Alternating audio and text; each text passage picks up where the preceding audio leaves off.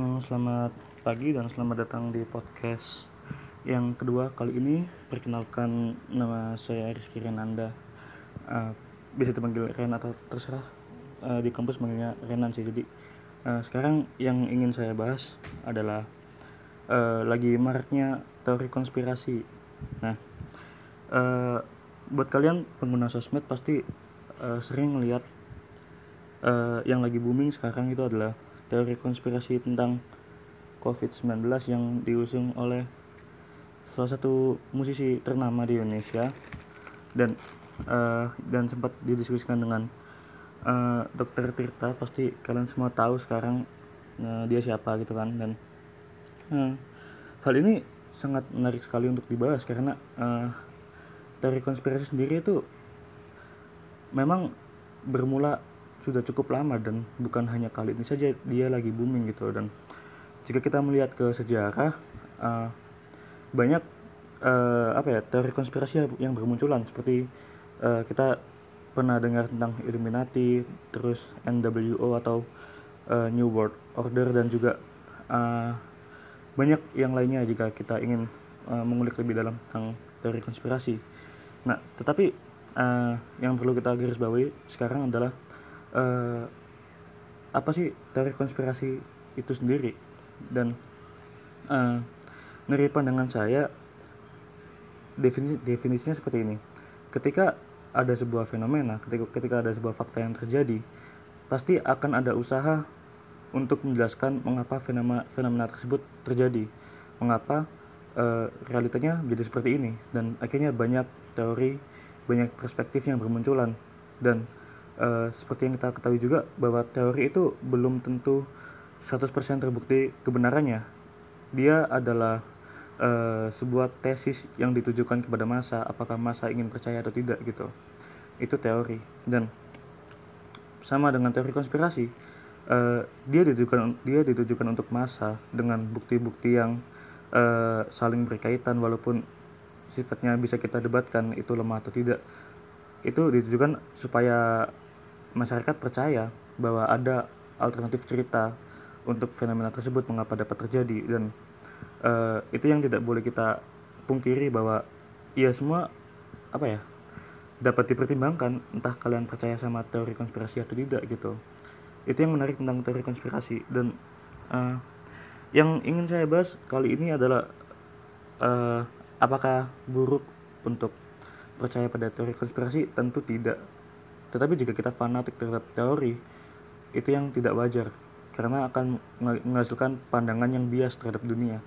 Pandangan yang mungkin serba konfliktual seperti memakai kacamata hitam kalau kata dosen saya. Dan uh, hal ini juga apa ya sedang disorot lagi oleh media gitu.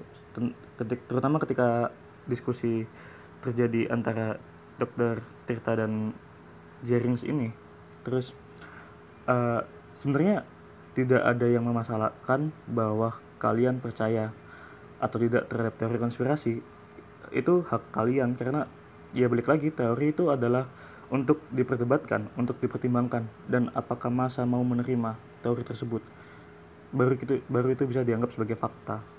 Dan uh, mengenai situasi COVID-19 yang lagi rame, lagi booming ini emang uh, kita juga harus lihat uh, COVID ini apa sih gitu kan? Ya ini kan virus yang udah jadi pandemi. Di seluruh dunia itu udah ngerasain gak cuma di Indonesia dan bahkan ada yang lebih parah seperti di Amerika Serikat di Italia di mana kasusnya udah mencapai ratusan ribu kalau nggak salah bisa dilihat datanya. Uh, dan apa ya menurut saya jika kita memandang dari sisi perspektif dari konspirasi itu tidak masalah. Karena ya balik lagi itu adalah pertimbangan kita untuk melihat sebuah realita yang ada di yang ada di yang ada di dunia gitu. Dan uh, ya saya rasa baik jika kalian punya pandangan alternatif terhadap dunia. Karena apa ya menjadikan dunia tuh banyak sudut pandang yang bisa diambil gitu loh. Banyak talking points yang bisa kita diskusikan di situ. Tetapi yang menjadi buruk itu adalah ketika pandangan kita bias, kita fanatik terhadap teori konspirasi, sehingga meremehkan COVID-19 itu sendiri.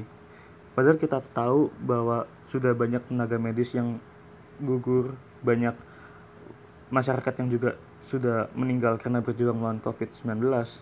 Dan ini tidak hanya butuh usaha dari tenaga medis, tetapi masyarakat dan juga orang yang punya influence, yang merasa mereka bisa menginfluence orang. Karena kenapa? Uh, karena yang perlu kita tekankan pada saat ini adalah mindset yang positif. Uh, janganlah kita bikin orang takut, jangan kita membuat orang pesimis, karena ya apa namanya ketika orang jadi pesimis mereka mereka jadi stres dan menyebabkan imun yang rendah sehingga mereka dengan mudah terjangkit COVID-19. Nah, uh, hal ini sudah dilakukan oleh media, oleh pemerintah dan tinggal kita masyarakatnya untuk melanjutkan hal tersebut dengan saling menyemangati, dengan saling membantu sebisa kita. Karena sedikit apa pun bantuan yang kita kasih itu pasti akan membantu. Dan kapan lagi kita bisa membantu menyelamatkan dunia hanya dengan di rumah gitu loh. Bahkan Avengers pun harus perang dulu melawan monster dan segala macam. Nah, ini yang sangat menarik untuk dibahas. Uh, terutama yang saya ambil dari apa ya uh, diskusinya Jaring Saidi dan Dr. Tirta yaitu ketika mereka menyebutkan main, mainstream media dan uh, sinyalnya langsung hilang gitu kan itu bisa kita diskusikan bisa kita debatkan tetapi uh, yang jadi permasalahan adalah mainstream media memang mendapat memang mendapat banyak sorotan bahkan uh, dengan seiring berjalannya waktu ketika media pun berubah sekarang serba online dan segala macam uh, mereka mengandalkan judul klik clickbait clickbait title gitu kan. Karena kenapa? Karena uh, rating mereka duit mereka adsense mereka dapat dari klik. Tiap kali anda ngeklik berita tersebut they got money gitu. Dan itu yang dilakukan oleh media sekarang. Dan uh, konspirasinya banyak segala macam itu kalian bisa baca sendiri kalian bisa riset sendiri nanti.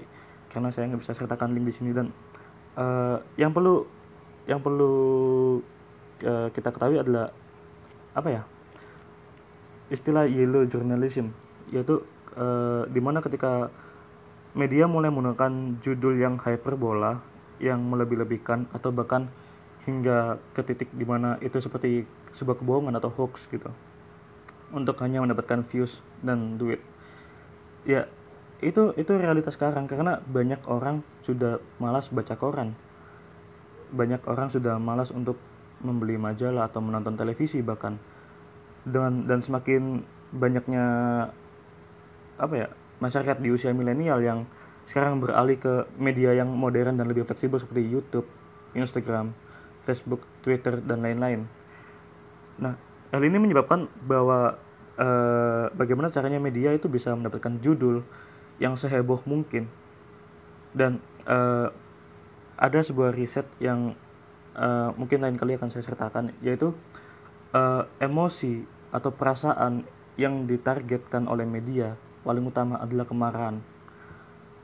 Karena kenapa? Karena ketika orang merasa marah, merasa jengkel, mereka akan dengan semangat untuk menyebarkan hal tersebut karena merasa bahwa hal itu bisa relate ke orang banyak dan akhirnya menimbulkan chain reaction.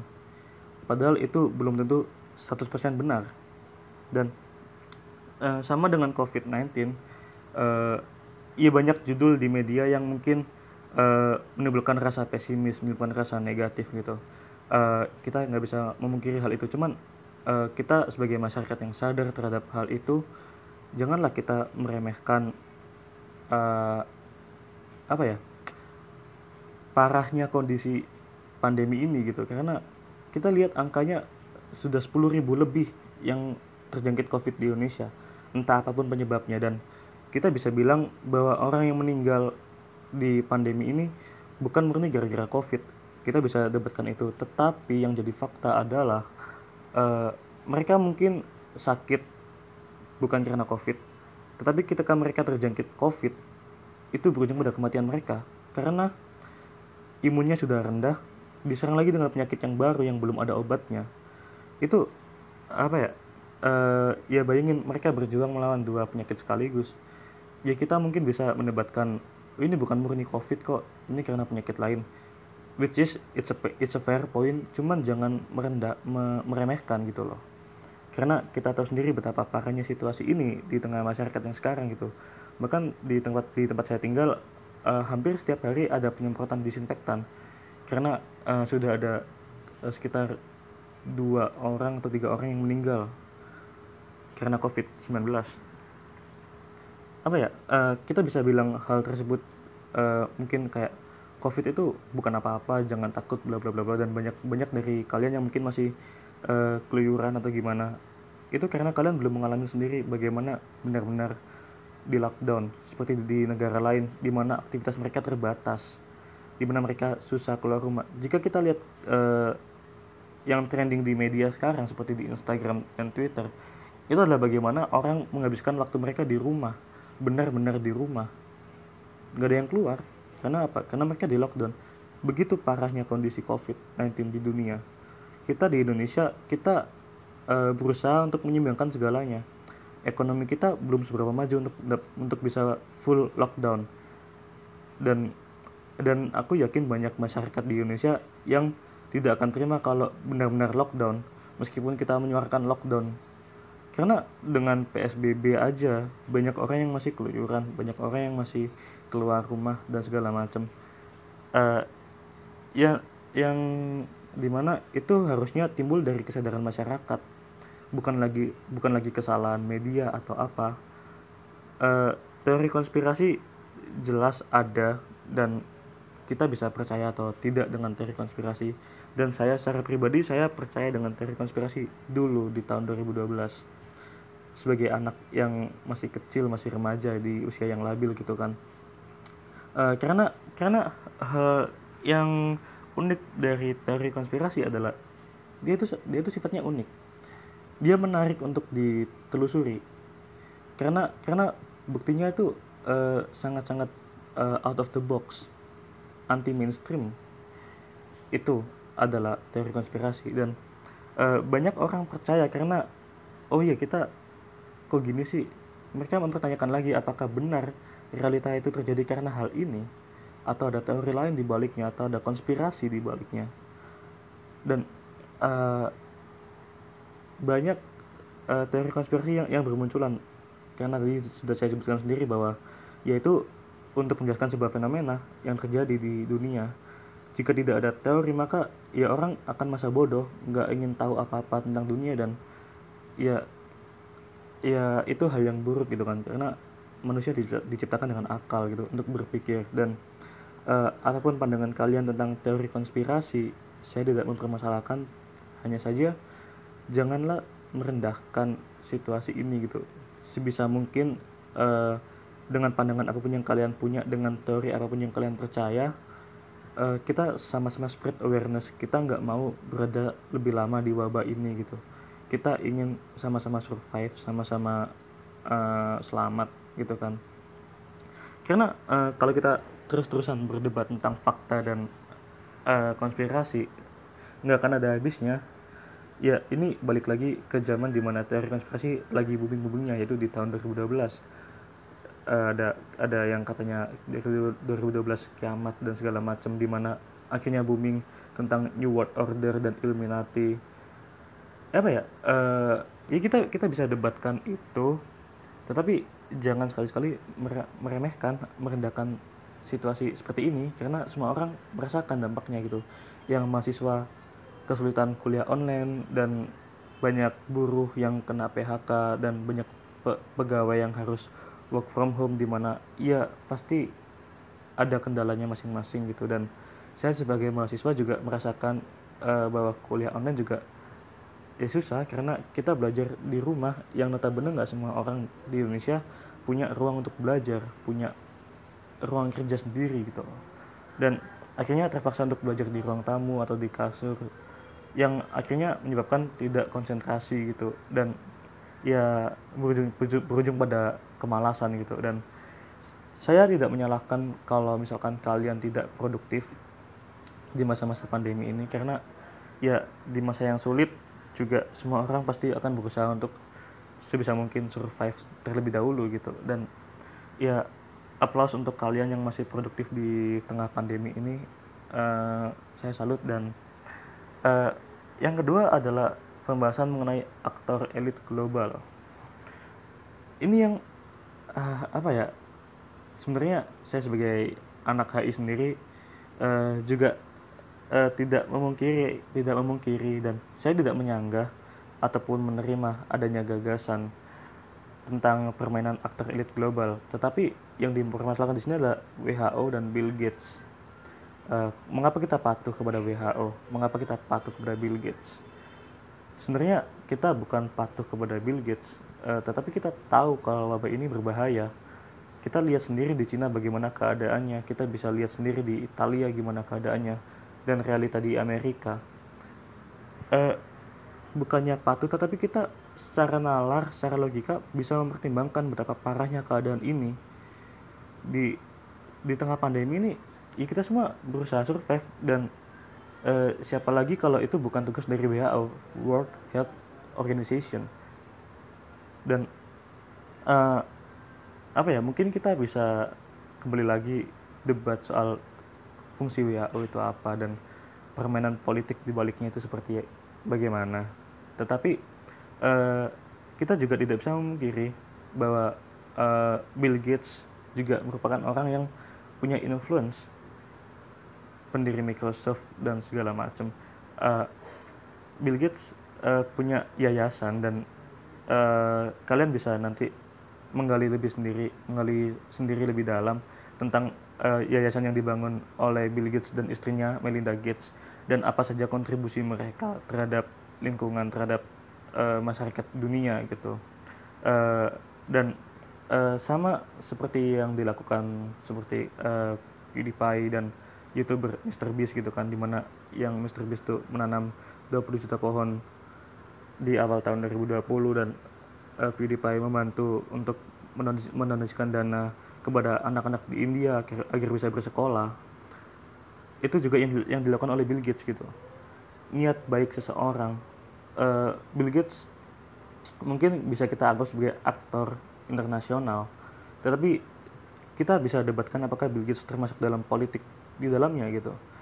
Uh, karena uh, apa ya ya ya emang ketika kita merasakan punya influence kita bisa mempengaruhi orang kita bisa membantu pasti akan ada niat baik di dalamnya. Jika kita punya hati yang baik tentu saja. Dan mungkin hanya itu yang berusaha dilakukan oleh Bill Gates.